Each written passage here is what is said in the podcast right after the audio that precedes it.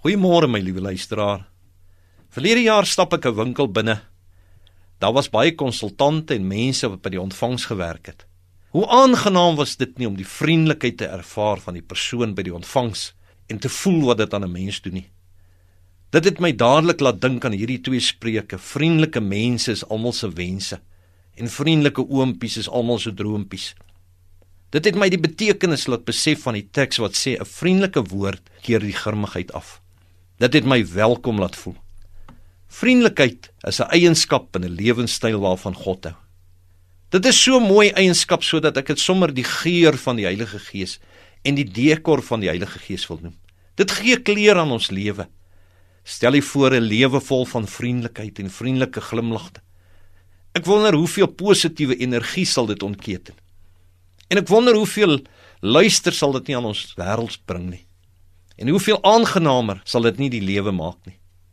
Wil jy nie vandag besluit neem en vir die Here sê, Here, Heilige Gees, kleer 'n bietjie die lewe in deur my nie. Wil jy nie vir die Here dankie sê dat u vriendelikheid die dekor is waarmee God hierdie wêreld wil mooi maak nie. Maar vriendelikheid is sekerlik 'n manifestasie van die Heilige Gees waardeur God ook iets anders vir ons wil sê. Hy wil vir ons sê jy is van belang en jy is nodig.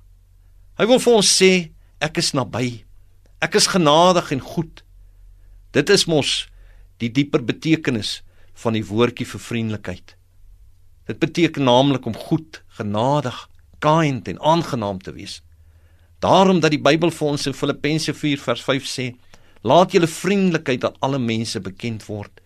Die Here is naby." Die Nuwe Lewende Bybel sê: "Laat almal sien hoe bedagsaam julle lewe." Die Here kom binnekort. Ons lewe in 'n lewe waar elkeen vir homself leef. Dit gaan oor myself, vergeet die res. Hoe maklik gee ons toe aan die vleeslike werking deur so te leef? Kan jy verstaan hoekom God dit teen so 'n tipe lewe het?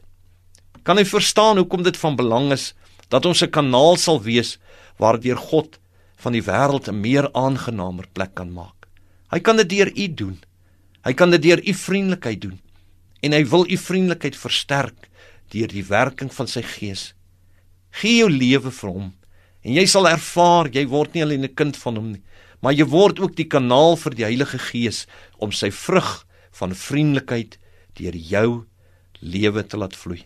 Ek sluit af. Soos iemand altyd gesê het wat Simbamba aangebied het, onthou die vriendelike vet glimlagte. Liewe Here, dankie vir die mooi van 'n vriendelike mens.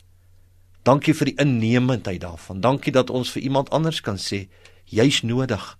Jy's welkom. Dankie vir die Heilige Gees wat dit in ons werk en vir ons gee. Help ons om uit te leef in Jesus naam. Amen.